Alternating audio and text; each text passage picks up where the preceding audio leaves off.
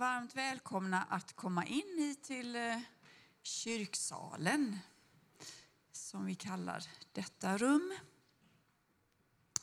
Nu är det söndag och vi får samlas här för att fira gudstjänst tillsammans. Vilken glädje att eh, vi får träffas så här. Det är ju så att eh, Lisa heter jag och jag är medlem här i församlingen. Och det är ju så att vi kommer från olika sammanhang när vi kommer hit. Olika förhållanden och vi bär med oss olika känslor och upplevelser när vi sätter oss här. Men låt oss nu landa här och nu, i nuet. För vi har en sak gemensamt och det är att vi har kommit hit för att vi vill söka Gud. Vi vill möta honom idag. Det är vår vilja. Och då har Gud lovat att han ska svara på det. Att leva i nuet är en utmaning. Men jag hörde en gång en som sa någonting väldigt bra tycker jag. Och han sa, genom att leva i nuet vänjer du dina lungor vid att andas evighetsluft. Lev i nuet här och nu. Vänd dina lungor vid att ta emot Herren vår Gud som är den största av alla. Låt oss be. Tack Gud att vi får samlas här. Vi lägger den här stunden i dina händer. Du ser alla som har kommit hit med viljan att söka dig och ta emot dig. Var med Fredrik idag som ska predika och Viktor som ska sjunga tillsammans med oss och för oss och allt annat som ska hända idag. Tack att du är med. Amen.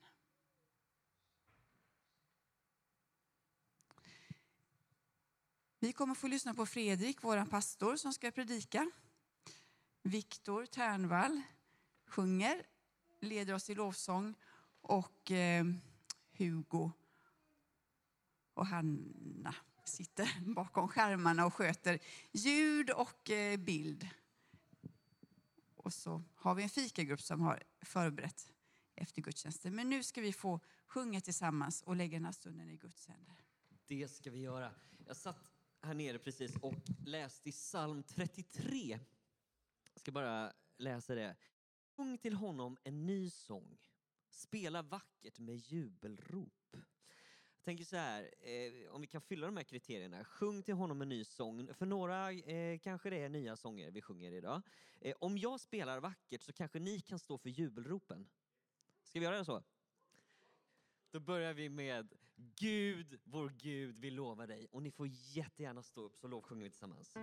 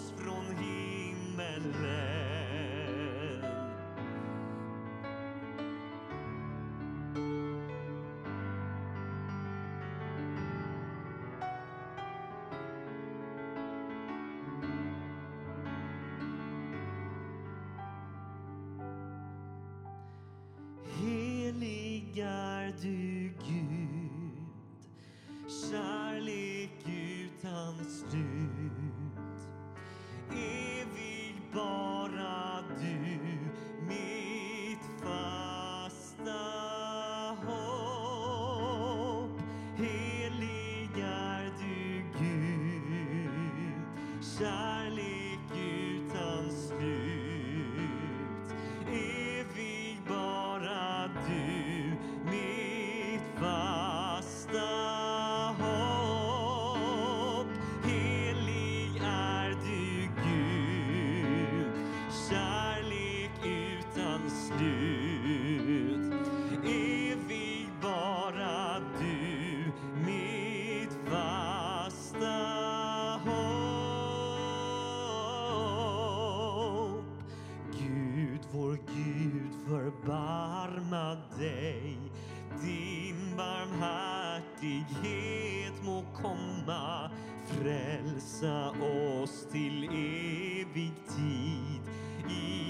från all vår nöd och vånda.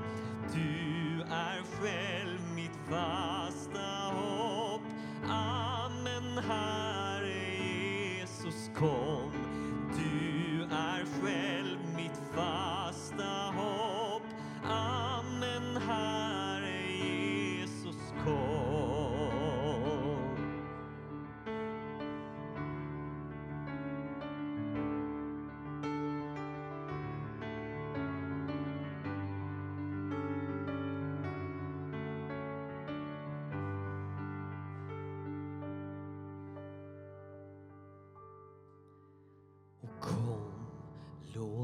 oss till bedjan. Och kom, låt oss tillbedja. Och kom, låt oss tillbedja Herren Gud. Det är därför vi är här den här förmiddagen. Och kom, låt oss tillbedja. Och kom, låt oss tillbedja. Och låt oss tillbedja. Och kom, låt oss till bedja Herren Gud. Och kom, låt oss till bedja. Och kom, låt oss till bedja som en enad kropp. Och kom, låt oss till bedja. Vi söker dig, Herre. Och kom, låt oss tillbedja Herren Gud. Herre Krist, vi prisar dig. Herre Krist,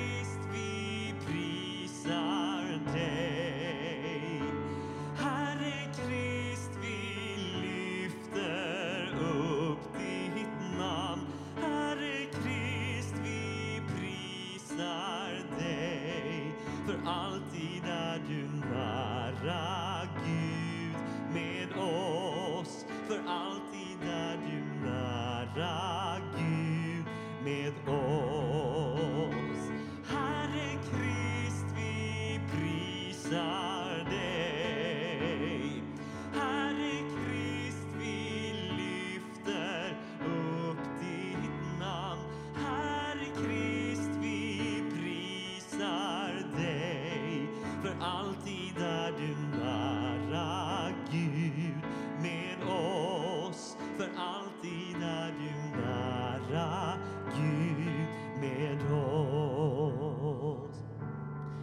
ber så här.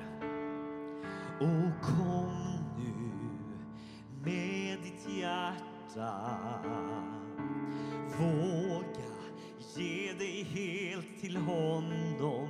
Tillbe Gud i allt.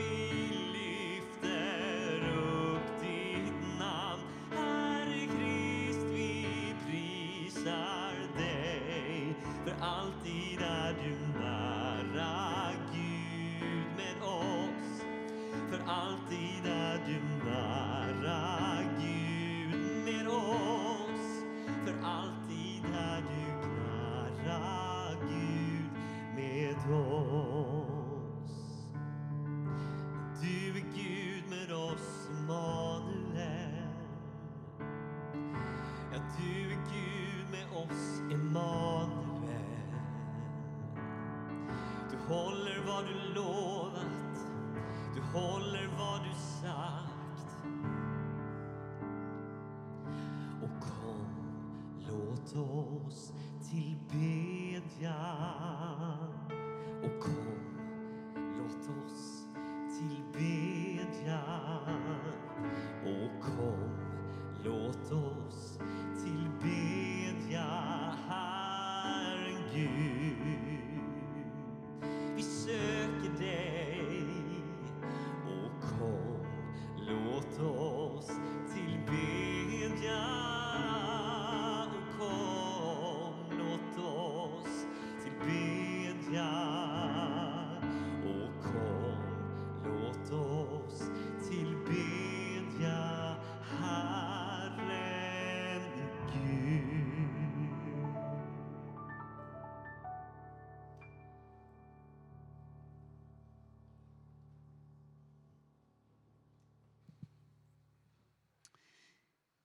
Vi ska nu eh, gå in i en stund av bön och förbön som vi har förmånen att göra.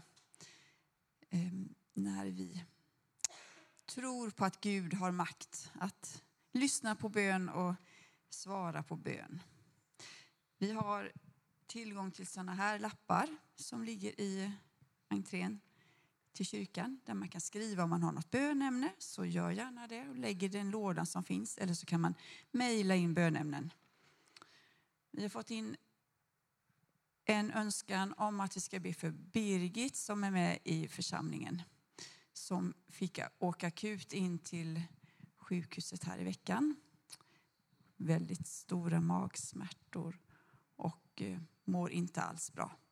Så henne ska vi be för.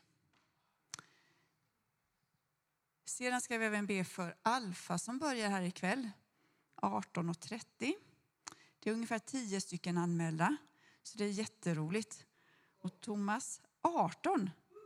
Se där ja, då har det kommit till. Ja, men eh, någonstans mellan 10 och 18 är alltså anmälda ikväll. Ja. Och Alfa är ju då en kurs om man vill lära känna Gud och vad kristen tro innebär, kan man säga.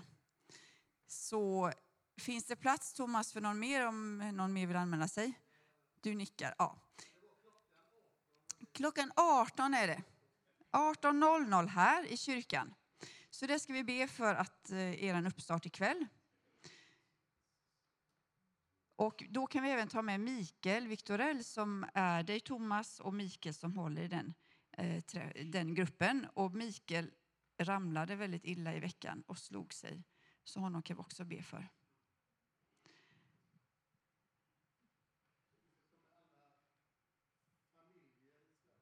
Mm. Vi ska be för alla familjer i eh, Sverige och som vi känner till. Gud är med. Ja. Någon annan som har någonting som vi ska tacka för eller be för?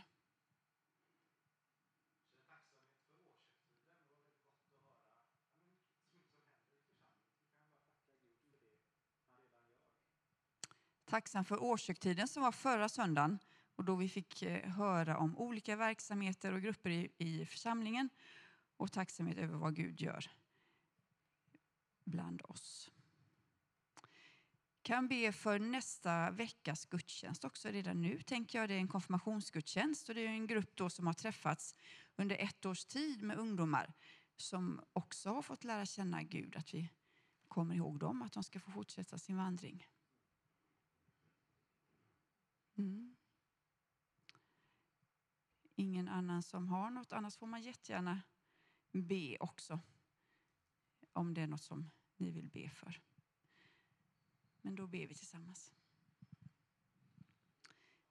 Tack Gud att du har gett oss möjligheten att be till dig med det som ligger oss nära och på våra hjärtan och tacka dig. Tack Gud att du bryr dig om oss och tack att vi får komma till dig.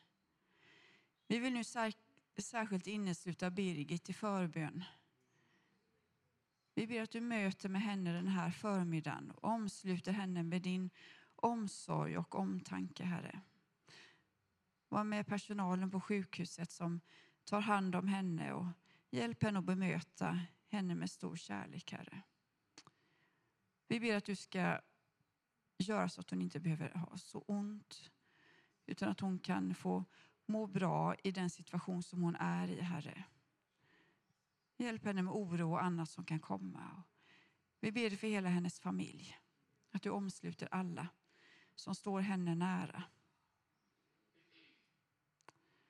Så ber vi det för alla familjer som finns i olika konstellationer och formationer, Herre. Vi ber att du ska vara med där det kan vara jobbigt och konfliktfyllt och du ska vara med när allting flyter på. Tack att du ser oss i alla olika lägen i livet och du är med. Så ber vi också för Alfa som startar ikväll. Tack att det är så många som har anmält sig och som vill lära sig mer om vad kristen tro innebär. Var med Thomas och Mikael som ska leda. Det ska få bli en fin start och att det ska bli bra träffar. Var med Mikael också så att han känner att han återhämtar sig. Tack också för den årshögtiden vi hade förra söndagen och för alla olika grupper och verksamheter som finns i vår församling.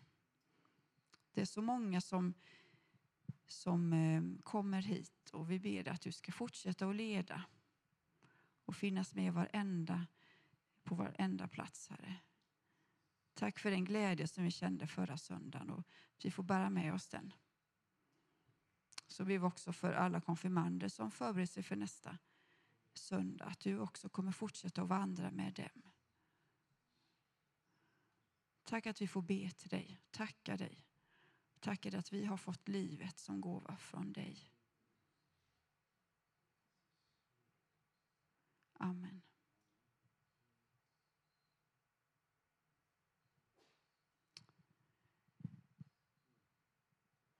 Tänker jag att eh, alla barn, om ni vill ställa er upp, så ska vi bara be för er också.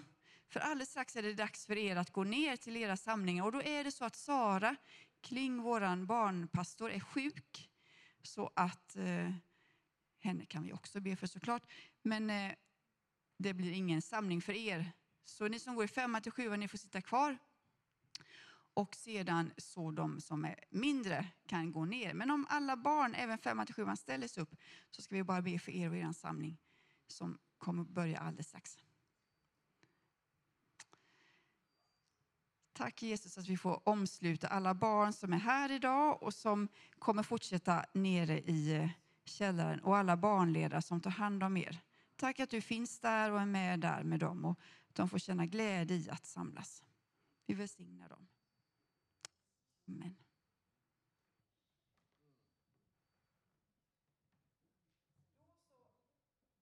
är det dags för barnen att gå ner på sina samlingar.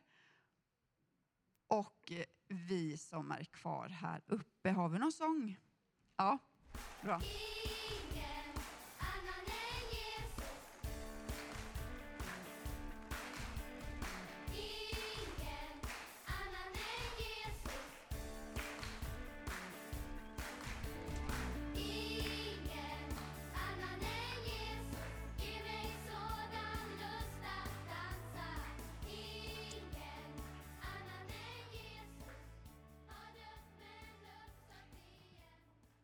Ska vi få eh, vara med på ett väldigt praktiskt sätt. I församlingen så samlar vi in pengar varje söndag som går till församlingens verksamhet och det som händer här under veckorna och året, vilket vi fick höra om förra söndagen. Och det är ju vårt sätt att bidra så gott som vi kan ge av det som vi har fått.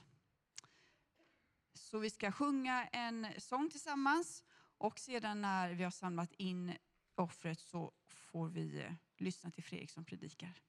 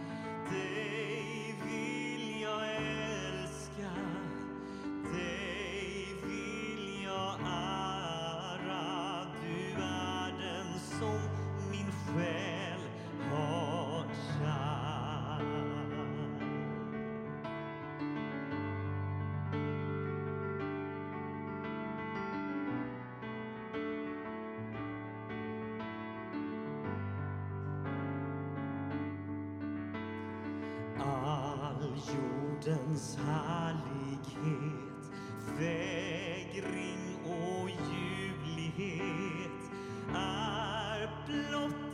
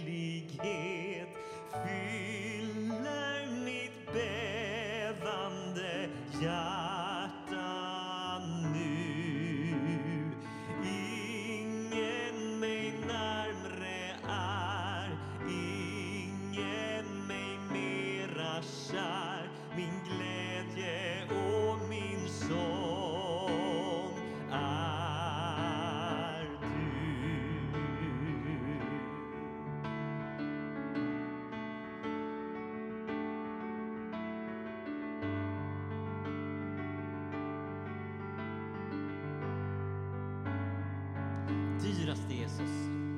Dyraste Jesus,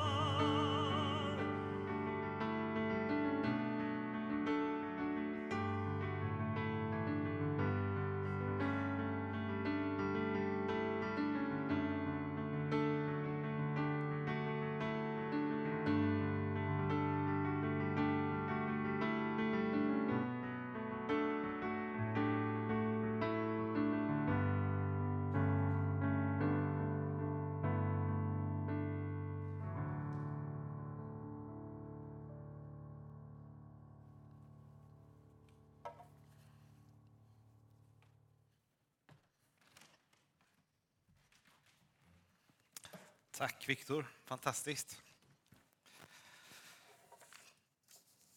Gott att se er här idag. Vi börjar med att be tillsammans.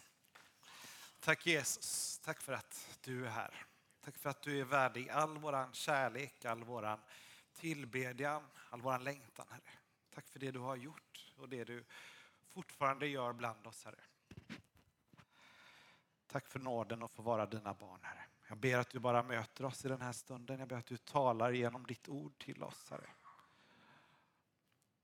I Jesu namn. Amen.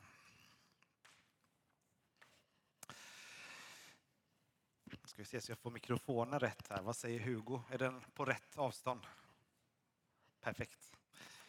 Det är skönt att slippa ha en sån här handhållen mick, så det är bra med de här myggorna. Eh, vi har tagit några söndagar och pratat om församlingens vision.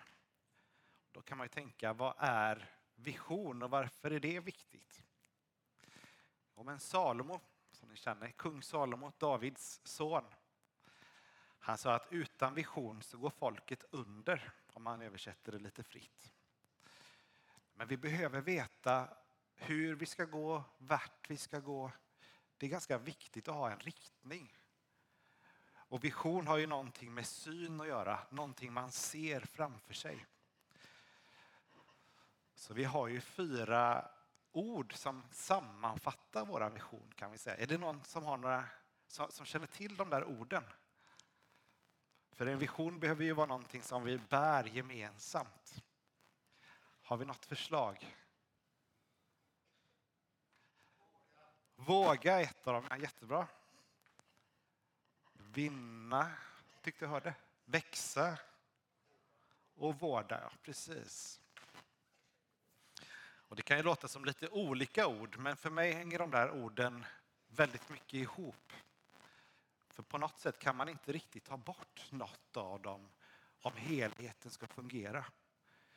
Så visionen fanns ju redan när jag fick förmånen att börja i församlingen, men jag tror att det är viktiga ord och få låta dem sjunka in i oss också. Och idag skulle jag vilja trycka lite extra på ett av orden och det är ordet vårda. Och vårda kanske inte låter som det mest spännande av de där orden. Men eh, jag gillar det. Någon har sagt att om man inte, det man inte vårdar förfaller. Det finns liksom inget riktigt mellanting. Man kan inte säga att vi står på noll.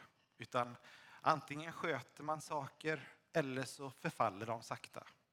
Det finns säkert undantag på den regeln. Det finns ju saker som behöver mogna till exempel. Att med tiden blir de bättre av sig själva. Men det mesta, i alla fall när jag tittar på, jag vet inte om någon har ett hus eller fastighet på något sätt. En fasad vill ju väldigt gärna att man ska sköta den. Mitt hus är vitt och då blir det gärna lite sådär svarta prickar på. Och det kan man tycka, det är lite tråkigt, särskilt på norrsidan. Ehm, och då kan man tycka, de där prickarna får vi väl leva med. Eller så får man gå upp med lite gäss eller fasadtvätt och skrubba och ha sig. Ska jag ta den andra micken nu? Det låter som det är lite...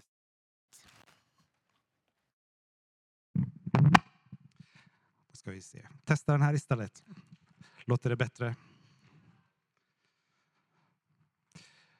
Jo, men som sagt, då får man vårda, underhålla. Och kanske hade det varit mycket roligare att göra en liten tillbyggnad eller eh, någonting som syns. Att vårda är inte alltid någonting man märker av så mycket. Men det märks när man inte gör det. Sen kan det ju vara väldigt kul att få på lite ny färg och man ser att allting ser nytt och fräscht ut. Men vårdandet är viktigt. Och eh, när vi pratar om att vårda så tänker jag att det ligger väldigt nära att älska. För om det finns någonting man bryr sig om, någonting man älskar, så vill man också ta hand om det. Det man inte bryr sig om kanske man inte kommer vårda. Det man inte älskar kanske man inte heller vårdar. Så därför skulle jag vilja gå till ett av Jesu ord som är väldigt centralt. Eh, Jesus säger att det är det största budet. Så om ni följer med mig till Matteus 22. Så säger Jesus från 22.36. Han blir besökt av en farisé och saddukeer som undrar, liksom, den laglärda undrar, vilket är det största budet i lagen? Och det sa han kanske inte så mycket för att han ville veta det, men han ville testa Jesus.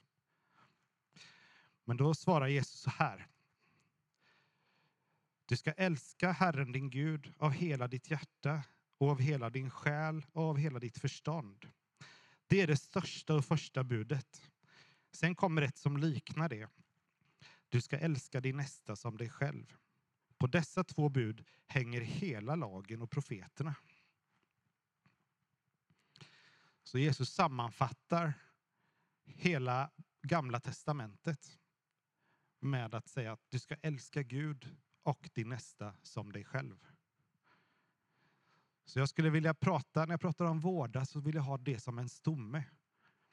Jag tänker att det finns tre områden. Vi behöver vårda vår gudsrelation. Vi behöver vårda våra nästa. Men vi behöver också vårda oss själva. För vårdandet är viktigt. Men om vi pratar om relationen till Gud, att vårda sin gudsrelation.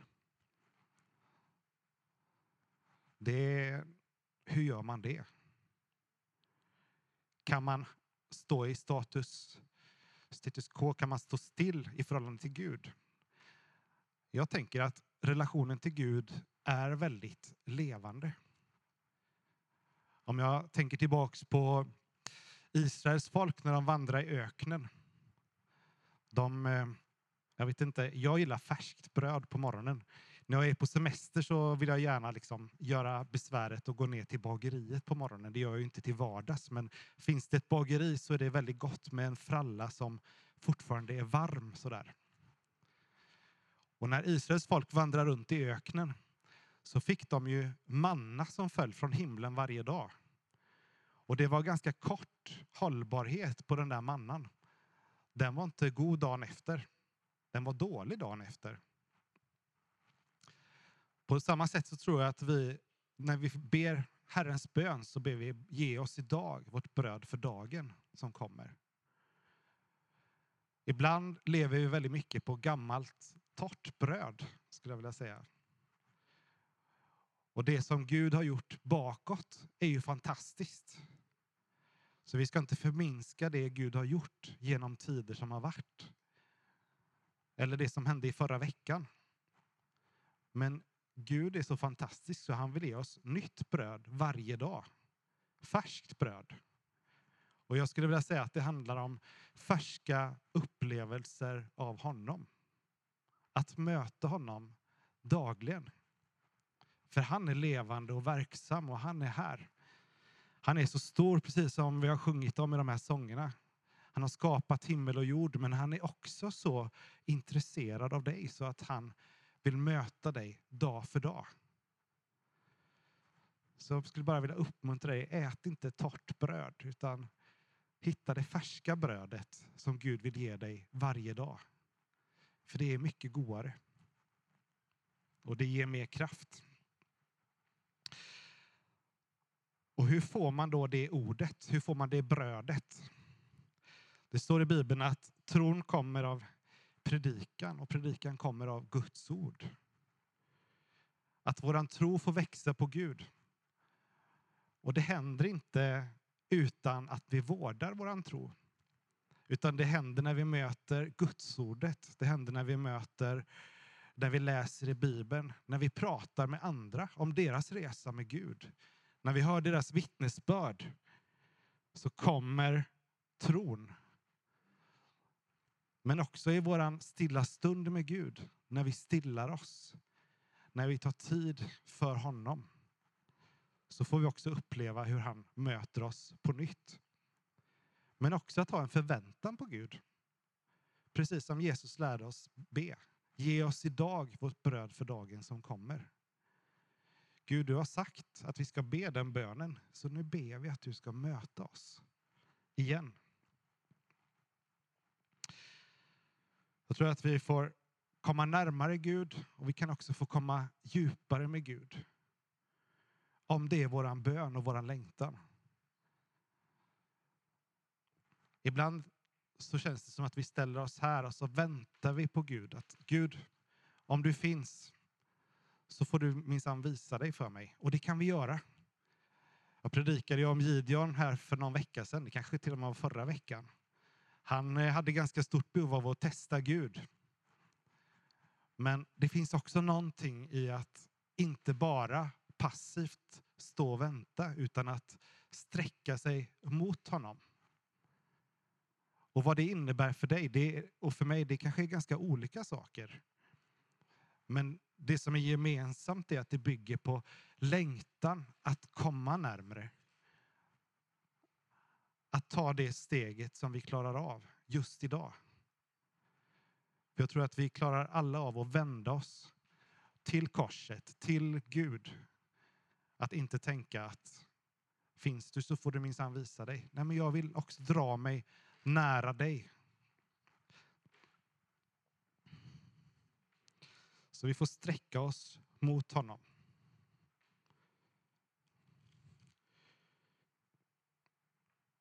Det handlar också om bekännelsen. Ibland kan vi bli ganska tekniska när det gäller våran tro. Men jag skulle vilja läsa ifrån Matteus 16. Om vi läser ifrån den trettonde versen där. När Jesus kom till trakten av Caesarea Filippi frågar han sina lärjungar Vem säger människorna att Människosonen är?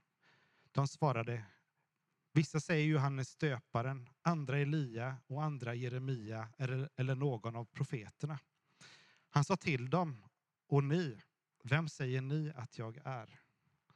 Simon Petrus svarade, du är Messias, den levande Gudens son.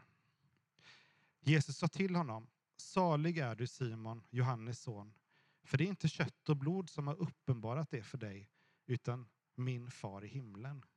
Och jag säger dig, du är Petrus, och på denna klippa ska jag bygga min församling. Och helvetets portar ska inte få makt över den. Jag ska ge dig himmelrikets nycklar. Allt som du binder på jorden ska vara bundet i himlen. Eller allt som du binder på jorden ska vara bundet i himlen. Allt som du löser på jorden ska vara löst i himlen. Så det fanns någonting här med att Jesus var intresserad av att fråga människor. Vem säger människorna att jag är? Så först frågar han, vad, vad tänker folk om mig? Sen blir han väldigt personlig. Och säger, men vem säger ni att jag är? Vem säger du att Jesus är? Vem säger jag att Jesus är? Vad är mitt hjärtas bekännelse på honom? Man brukar ibland säga att i söndagsskolan är alla svar, ett svar är alltid rätt och det är ju Jesus. Och det är sant. Men att få hitta det där, vad är mitt hjärtas bekännelse? Inte en teknisk dogm eller, utan det här, vad har Jesus gjort i mitt liv? Vad var det färska brödet som jag fick smaka som förändrade mig, som rörde vid mig så att jag har fått näring för idag? Men också, vad var det som gjorde att jag fick den där första kärleken, den första upplevelsen av Jesus? Eller det där vägskälet som jag kom fram till i mitt liv som gjorde att från att Gud fanns lite där i periferin så tog han över hela mig. Vad är min bekännelse? Vad vill jag säga till, till Jesus idag? Och han svarade honom, du är Messias, den levande Gudens son. Och jag tycker det som är så fantastiskt är att Jesus säger till Simon Petrus där att, att han, eh, det var inte han själv som hade fått det uppenbarat, utan Gud själv hade visat honom vem Jesus var. Så låt oss bara ta, ta det på allvar. Liksom, att, amen, uttryck för Gud vem han är för dig. Det händer något i den relationen. För att vårda sin gudsrelation är ju ganska nära att, som att vårda en relation till någon annan människa. Och gärna en nära människa. Någon man tycker mycket om säger man kanske till ganska ofta att man tycker om den eller älskar den eller att den är fin eller att man har saknat den. Att hitta sin bekännelse till den personen som är viktig. Att komma lite bort ifrån kunskapen och till beslutet och även den här inre bekännelsen. Om vi tar det andra området som jag tänker på så är det ju att vårda vår nästa. Det säger Jesus. Älska din nästa som dig själv. Och vem är din nästa? Nästa är ju ett väldigt konstigt ord. Det är väldigt sällan jag pratar med mina vänner om jag ska gå till min nästa. Men man kan också fråga, vem är inte min nästa? Jag tror det är den frågan vi behöver ställa oss. Finns det någon som inte är min nästa? Egentligen inte. Min nästa kanske är alla andra människor. Eller den som kommer i min väg, den jag möter eller eh, ja, bara träffar på olika sätt. Och det här är ju ganska svårt. Så mycket som Jesus säger så är det ju svårt att älska sin nästa som sig själv. Och jag kommer till sig själv också, för det är inte heller okomplicerat. Men att älska sin nästa. Om vi går till Gamla Testamentet, till Jeremia. Jeremia 5 och 7. Nej, tvärtom. Jeremia 7 och 5. Man kan tänka att Gud skulle vara upprörd på människorna i Gamla Testamentet, för det fanns ju massa regler. Hela tredje Mosebok är full med massa regler på hur man ska tillbe Gud. Och så kommer det profeter som säger till folket att Gud är arg på er, men inte för att ni inte tillber mig på rätt sätt, utan för att ni inte älskar de andra människorna som jag vill att de ska, de ska vara älskade. Så därför säger Jeremia till folket där att nej, ändra era liv och era gärningar. Gör rätt mot varandra. Sluta förtrycka främlingen, den faderlöse och änkan. Spill inte oskyldigt blod på denna plats och följ inte andra gudar er själva till olycka. Då ska jag för alltid låta er bo på denna plats i det land som jag har gett era fäder. Det finns ju någon profetia som till och med säger att Gud mår illa av lukten ifrån alla offerdjuren. Vem har sagt åt er att offra? Och så står det liksom att ja, man tänker folket skulle kunna tänka, ja men Gud, det var ju du som sa att vi skulle offra, vi skulle göra på detta sättet. Men när vi inte hade hjärtat för människorna som hade det svårt.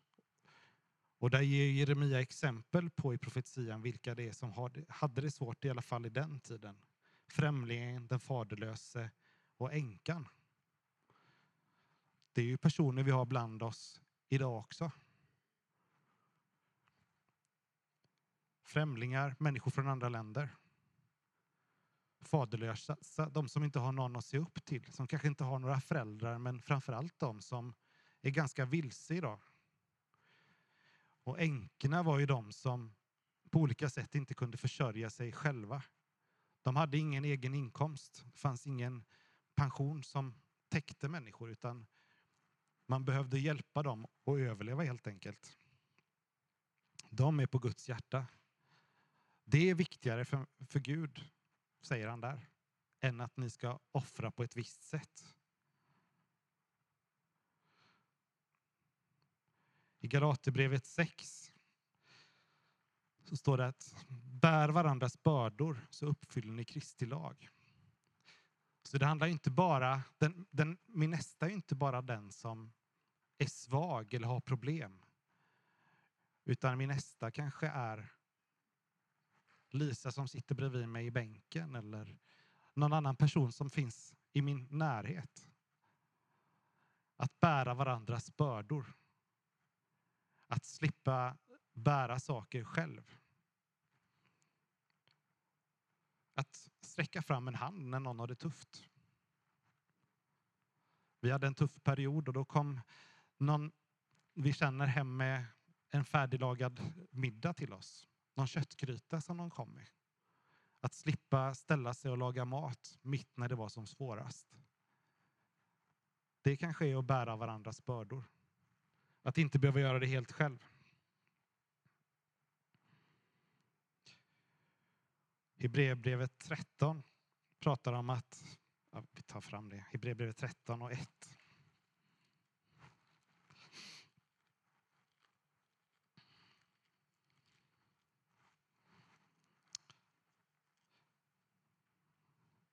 Står det, håll syskonkärleken levande. Glöm inte att visa gästfrihet, för genom gästfrihet har några fått änglar till gäster utan att veta om det. Tänk på dem som sitter i fängelse, som om ni var deras medfångar.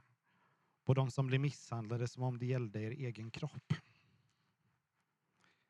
Att få vårda den som har det tufft. Men det första är, håll syskonkärleken levande. Hur kan vi vårda syskonkärleken? Hur gör vi det? Hur kan vi vara gästfria? Och så säger författaren där att några har fått änglar till gäster utan att veta om det. Det är ju en ganska hisnande tanke.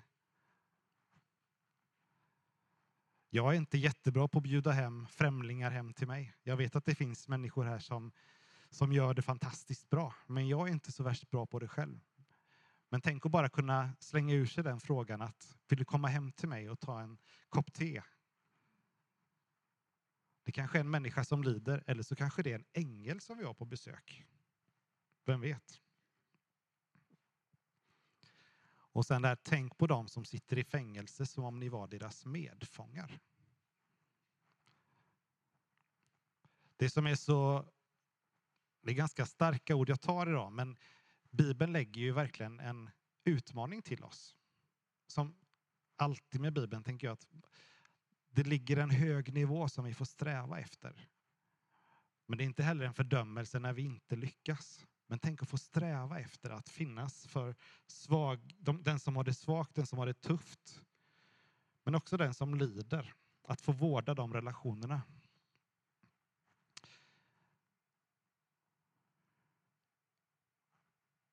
Tänker det här att vårda oss själva. Det kan man tänka mig som individ, men jag tänker också att vårda oss själva är att vårda våran gemenskap.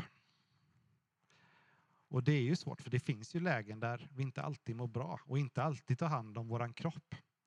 Paulus skriver någonstans att alla tar ju hand om sin kropp eller man ger den näring och så vidare. Men det finns ju lägen där man har svårt med sig själv. Men som regel så vill man ju sig själv väl. Då kan jag tänka, vad behöver vi som, som oss själva? Jag själv eller som ett vi? Ja, men gemenskap och enhet skulle jag vilja säga. Hur skapar vi en god gemenskap? Hur skapar vi en, en god enhet? Om vi går till Saltaren 133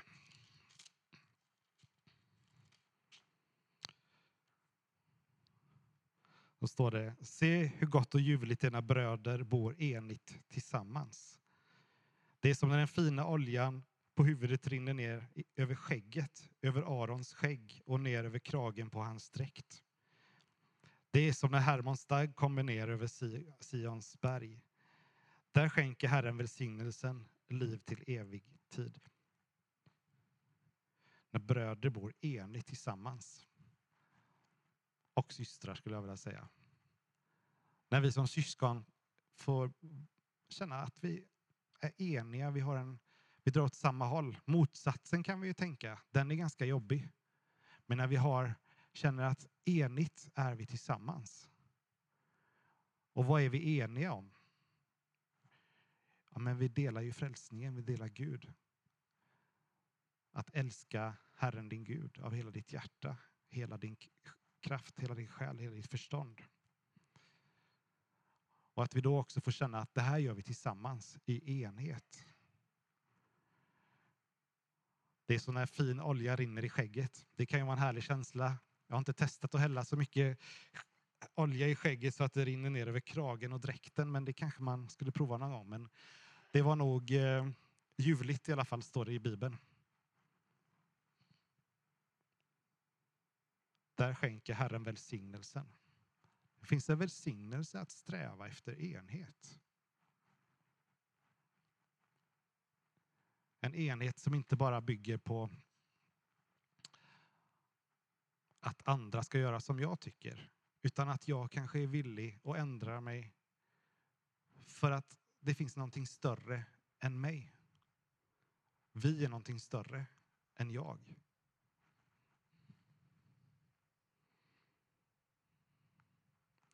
Om vi fortsätter i Saltaren skulle jag vilja gå till psalm 32 också, för det rymmer en sån hemlighet. Psalm 32, 3.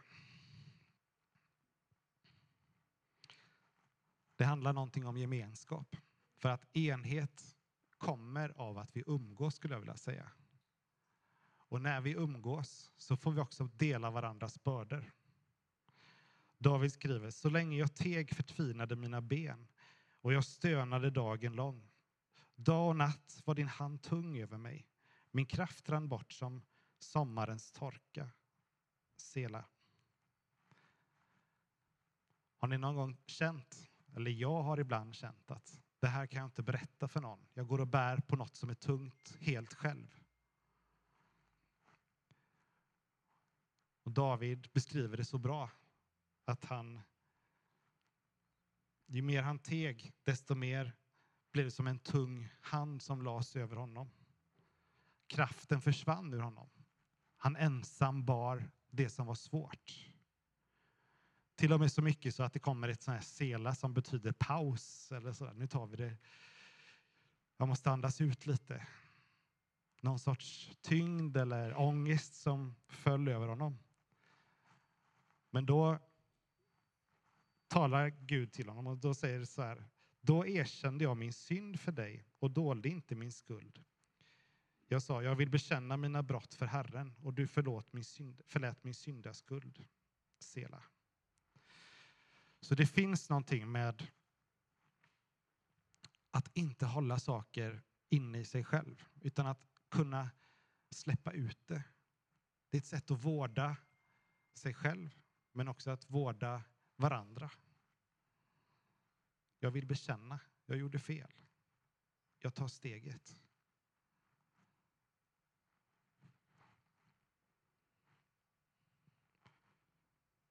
Och Det tänker jag också är väldigt terapeutiskt, om jag nu får gå dit också. Ibland gör jag det. Att få tala ut det som är svårt, att få säga det. Att få bekänna. Och, att få förlåtelse av Gud och av människor. Och be gärna Gud om förlåtelse, men glöm inte att be människor om förlåtelse också. Ibland kanske vi gör det lite lättare. Det kan kännas enklare att be Gud om förlåtelse än den som man har trampat till på tårna eller gjort någonting annat. Men att få bekänna, det tänker jag skapar en gemenskap och en närhet.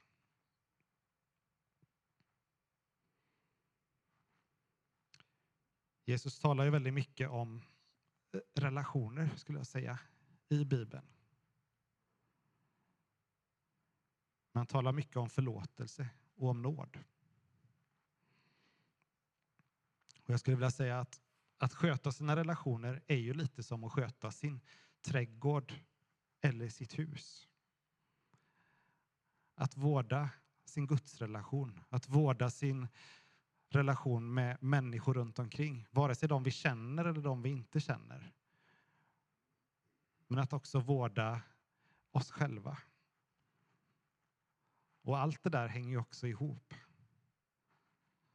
För jag tror att Gud också välsignar på ett speciellt sätt när vi känner den glädjen av att ja, men nu kan vi ta ett steg framåt.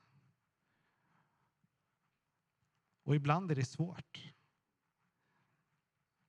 Jag har själv erfarenheter av att det inte är lätt. Hur någon som jag tycker väldigt mycket om har blivit väldigt skadad av mig och hur jag har fått be om förlåtelse, vi försöker hitta varandra och vi har inte den relationen som har varit. Så jag tror att ingen av oss lyckas på detta området. Men hur kan vi sträva efter att stå i enhet? Att oljan får rinna i våra skägg. Att vi har den här ljuvliga gemensam, gemenskapen som bara Gud kan ge. Och jag skulle vilja uppmuntra dig idag att tänka, hur vårdar jag min gudsrelation? Hur kan jag vårda den lite mer? Det handlar inte om en plikt, men det handlar om en längtan. Det är lätt att brottas med någon sorts dåligt samvete. Jag borde läsa Bibeln mer, jag borde be mer. Men det kan finnas en hjälp i att få handpåläggning i det. Gud vill vara med, Gud vill möta dig. Och Det handlar om viljan och det handlar om försöken. Det handlar inte om att lyckas, men, men att ändå ha en intention att komma närmre och djupare med Gud. Men jag skulle också vilja uppmuntra dig som känner att jag har relationer runt mig som skaver. Att fråga Gud, vad kan jag göra? Kan jag ta ett steg till den här personen? Kan jag sträva efter att vi ska hitta tillbaks till varandra? Jag skulle också vilja utmana oss i att få en ännu större kärlek till vår nästa som vi ännu inte känner. Som finns på utsidan. Människor som inte har mött Guds kärlek eller som har behov idag. Att bli berörda på djupet, att vilja vara med och vårda de relationerna också. Människor som inte har råd att köpa mat för veckan. Det finns något som heter handla för andra som hela människan gör ibland. Vi kanske ska köpa ett paket socker och ge till någon. Eller vi kanske ska gå hem till grannen och fråga, behöver du lite hjälp med tvätten idag? Eller hur kan, vi, hur kan Gud möta oss i det? Den helige Ande vill leda oss till människor. Att bara vara öppna, men framför allt att känna att jag blir berörd. Att inte stänga sig, utan att öppna sig. Så låt oss bara få komma in i omvårdnaden. För jag tror att när vi vårdar så kommer också, vi kommer bli mer de som Gud har tänkt att vi ska vara. Helgelse pratar man om förr och fortfarande. Det handlar inte om frälsning, men det handlar om att komma närmre Gud och att överlåta sig mer till hans vilja. Så det skulle jag bara vilja uppmuntra dig till idag. Att inte bara tänka nytt, utan tänka vård. Att vårda. Vi ska göra så att jag tar en stund. Vi tar en stund i bön. Och det kommer också finnas möjlighet till förbön här efteråt, längst ner på er högra sida, nere vid eh, biblarna där nere, så finns det möjlighet att få förbön. Men jag tänker att vi skulle bara kunna sluta våra ögon och om någon känner att de vill ha förbön på något av de här områdena kring sin egen gudsrelation, kring oförlåtelse eller oförsoning eller kring nöden för människor runt omkring så kan vi väl bara sluta våra ögon och så om du vill sträcka din hand så ska jag be för dig. Så alla kan bara få sluta sina ögon och böja sina huvuden så ska jag bara och vill du sträcka din hand så vill jag be för dig. Mm, jag ser din hand. Jag ser din hand. Jag ser din hand också. Och din. Tack Jesus. Tack Herre för att du är god. Tack för att du är nådefull. Tack Jesus för nåden att få vara ditt barn. Tack för nåden att få följa dig. Tack för att du ger oss ny, nytt bröd den här dagen som kommer, Herre. Att du vill möta oss på nytt, att du vill att vi ska få komma närmare dig, att bekänna vem du är, Herre. Herre, jag ber för den som brottas med sin relation till dig, Herre. Jag ber att du bara på nytt skulle röra vid människor. Att de bara skulle få uttrycka för dig vad, vad du betyder för dem, Herre. Herre, jag vill också be för den som brottas med att det finns konflikter eller sår eller saker som har blivit skadat, Herre. Jesus, jag vill be att du möter den personen som, som har svårt med relationer eller där det finns en oförlåtelse eller någonting annat som gör ont, Herre. Jag ber att du kommer med mod och prata med andra, Herre. Att du kommer med mod att ta steg. Jesus, jag vill också be för att vi skulle få en ännu större bara kärlek och gemenskap till varandra. Att vilja dras nära varandra, Jesus. Tack för att vi får vara din församling, att du är med oss. Tack för att du välsignar oss. I Jesu namn. Amen.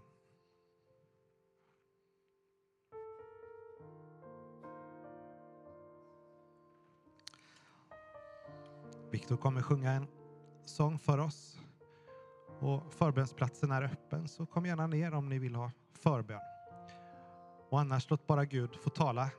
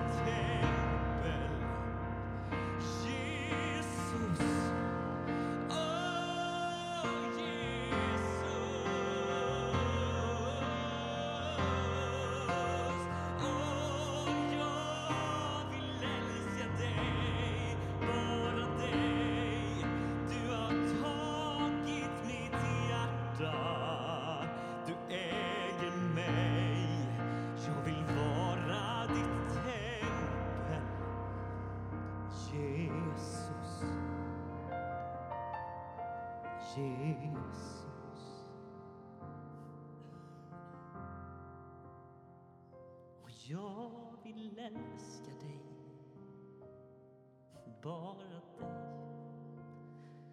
Du har tagit mitt hjärta.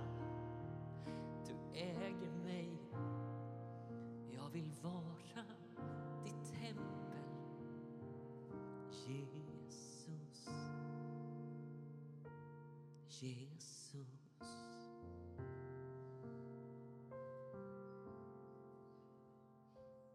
Jesus.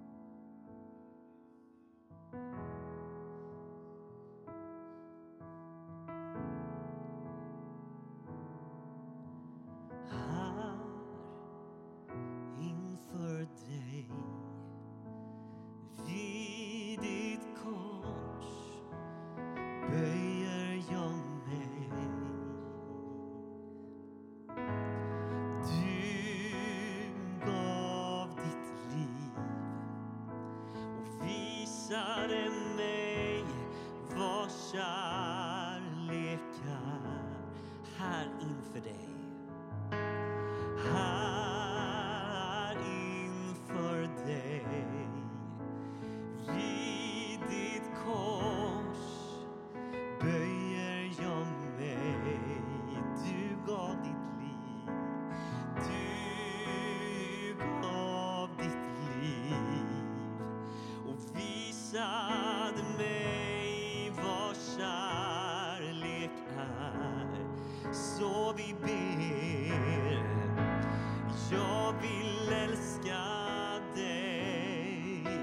called here.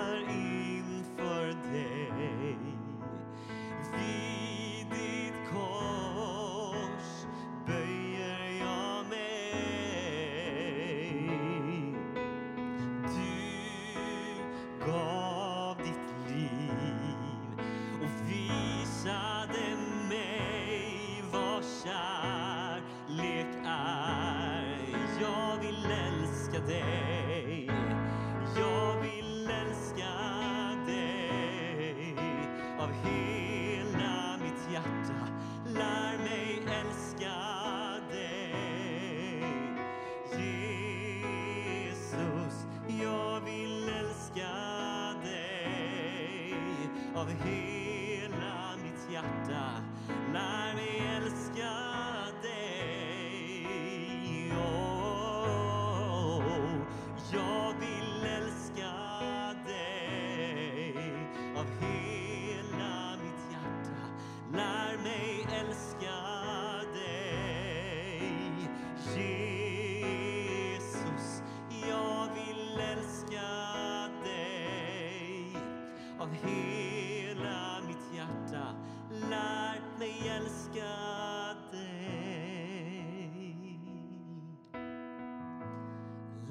mig älskar dig. Så vi ber, lär mig älska dig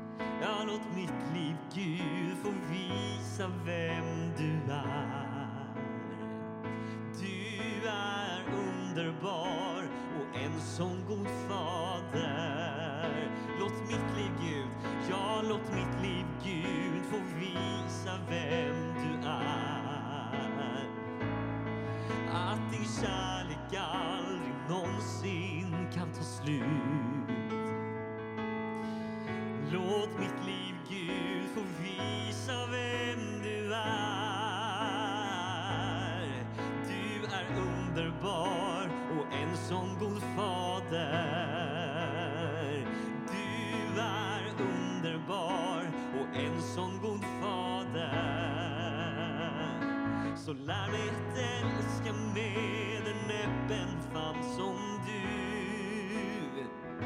Med kärlek som gör att alla gränser suddas ut. Tänd lågan så stark att alla ser att du finns här. Gud, låt mitt leende få berätta vem du är.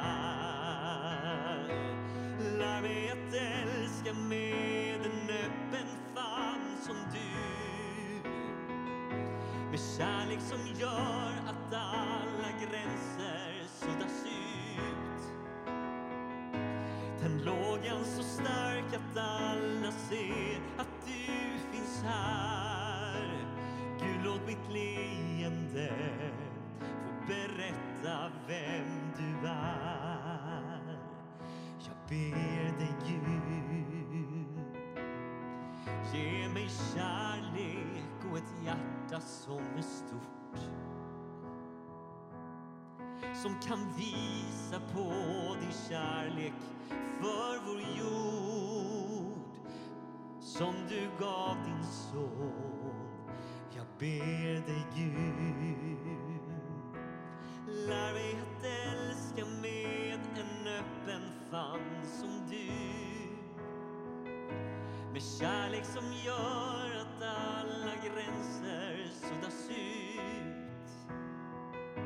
Tänd lågan så stark att alla ser att du finns här. Gud, låt mitt leende få berätta vem du är. Och som du älskar älskar alla ifrån fattig gå till rik. Du format och skapat oss unikt med varsam hand, för du är vår fader. Så lär mig att älska med en öppen famn som du med kärlek som gör att alla gränser suddas ut. Den lågan så stark att alla ser att du finns här. Gud, låt mitt leende få berätta vem du är. Gud, låt mitt leende få berätta vem du är. Gud, låt mitt leende få berätta vem du är.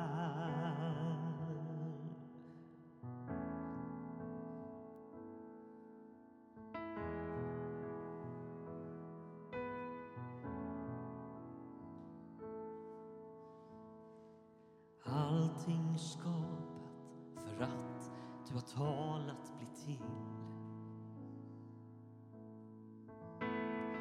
Allting som andas, andas för det blåste liv.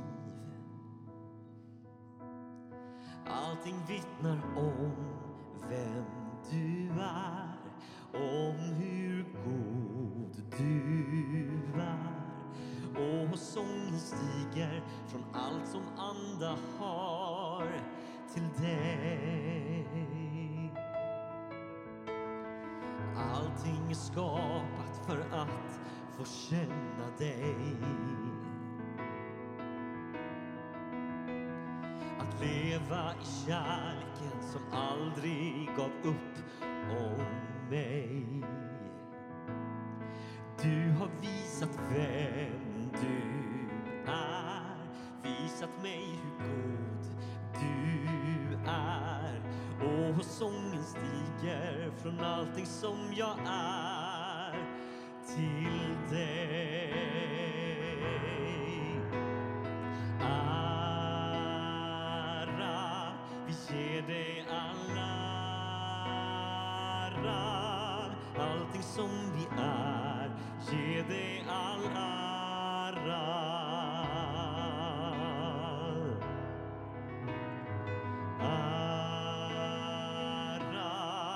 Ge dig all ära. Allting som vi är, ge dig all ära.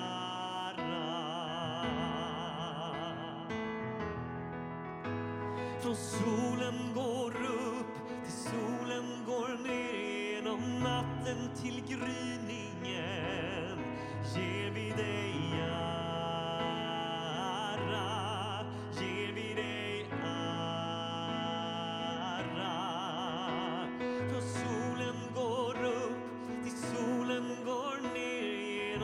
morgonen till gryningen ger vi dig ära, ger vi dig ära. Ära, vi ger dig all ära. Allting som vi är,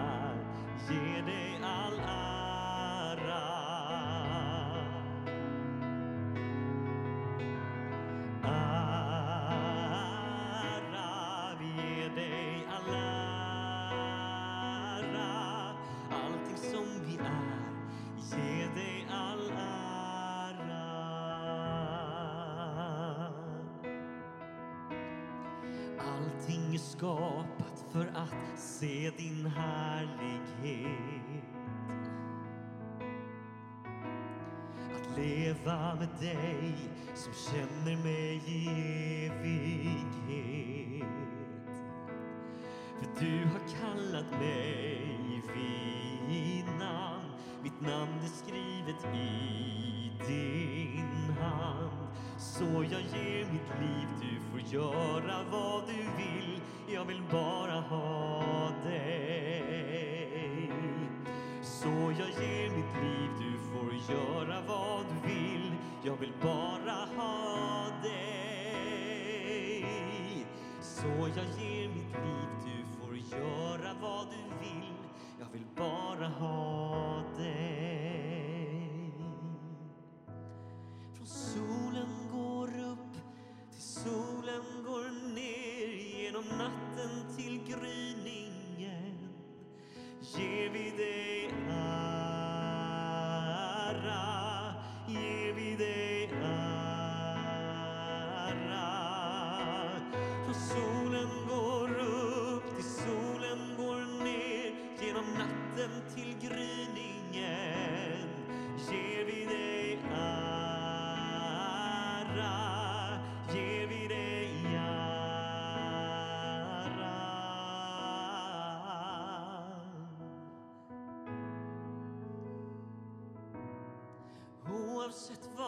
möter går solen alltid upp med dig. Genom natten till gryningen, jag kan ana den. Du är trofast i allt du gör.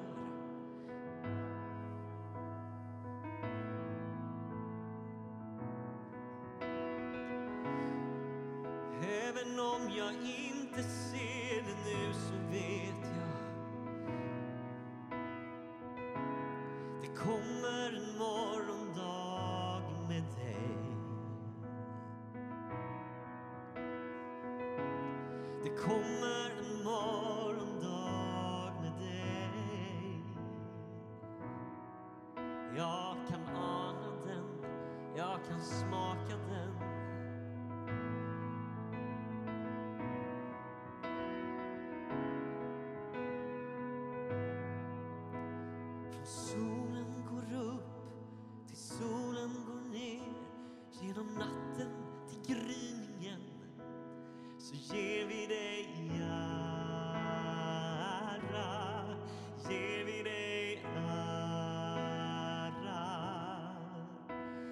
so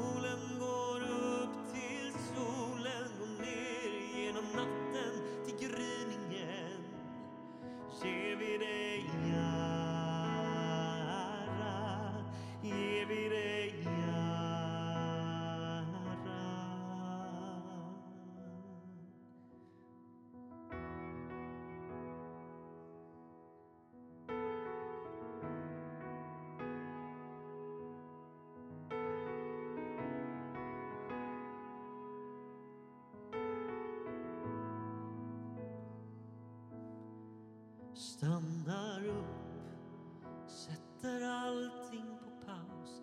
Jag är här, just precis som jag är. Tala Gud, jag vill höra din röst just nu. Stannar upp, sätter allting på paus. Jag är här Just precis som jag är, tala Gud. Jag vill höra din röst just nu. Oh, jag ber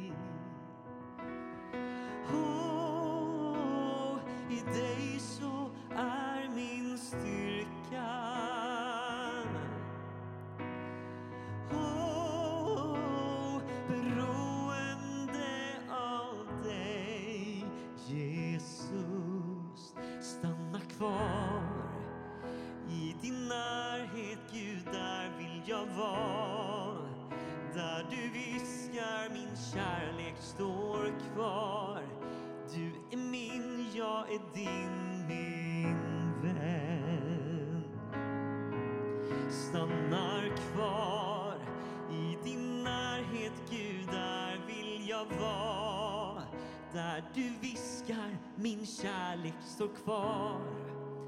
Du är min, jag är din, min vän.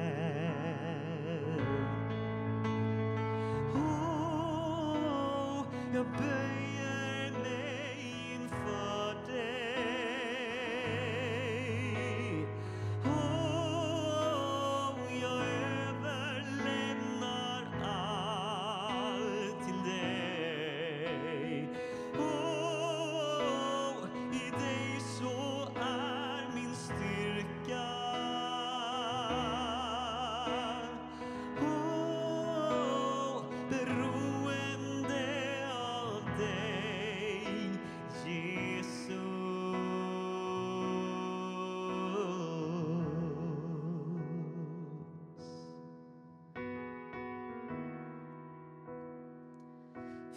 jag mer av dig. Söker mer av dig.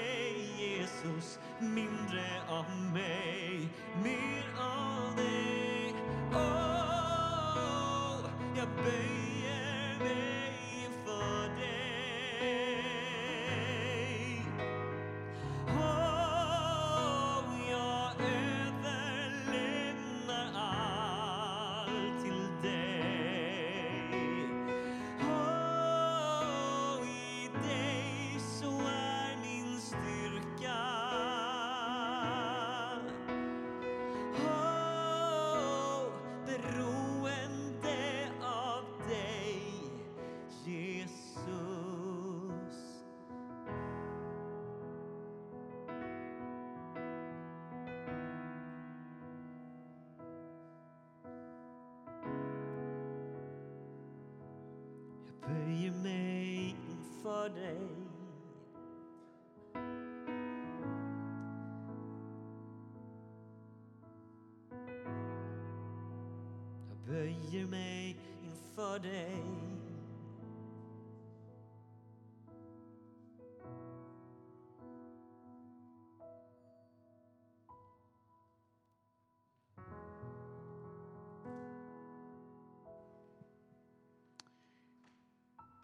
Närmar vi oss slutet av gudstjänsten. Tack Viktor och Fredrik. Det råder ju ingen tvekan om vilket tema gudstjänsten har haft. Att vårda relationen med Gud, andra och sig själv. Och det är ju inget, inget motsatsförhållande mellan de här tre, utan allt hänger liksom samman. Vårdar jag relationen med Gud så vårdar jag mig själv. Vårdar jag relationen med andra så vårdar jag också mig själv. Så allt hänger liksom samman. Och ja, viet är starkare än jaget. Det går emot samhällets syn idag tycker jag, där individen ska vara starkast. Men viet är starkare än jaget. Vi vårdar varandra och genom det vårdar vi oss själva också. Tack Fredrik. Vi går in i en ny vecka med start ikväll då, lite pålyssningar. Alfa börjar ikväll klockan 18 som sagt. Och på tisdag är det bön klockan 11. Alla är välkomna hit klockan 11.00 för att be tillsammans. Öppna förskolan på onsdag halv 10 till tolv. Och på onsdag kväll är det också bön klockan 19 här i kyrkan. På fredag är det barn och ungdomsverksamhet med fredags, fredagsäng och bara vara. Och sedan är det gudstjänst nästa söndag. Och då är det konfirmationsgudstjänst klockan 11 där vi får eh, se och möta alla konfirmander som har träffats genom året. Och Rebecka predikar. Precis. Så vill Fredrik också hälsa att hans mejl fungerar lite dåligt. Så att ni vet det. Om ni mejlar och inte får något svar så kan det bero på annat än att han inte vill eller kan svara. Då får ni ringa eller smsa. Precis. Birgit som jag nämnde tidigare eh, i förbön, det gäller alltså Birgit Alexandersson. Det finns ju flera Birgit här i församlingen. Så vet ni också vem det gällde. Mm. Det är Birgit Alexandersson som är på sjukhus. Då ska vi alldeles strax gå eh, och fortsätta gemenskapen och fika tillsammans. Men jag vill bara läsa välsignelsen och sedan välsignelse över fikat. Herre välsigne oss och bevara oss. Herre låter sitt ansikte lysa över oss och vara oss nådig. Herren vände sitt ansikte till oss och ge oss av sin frid.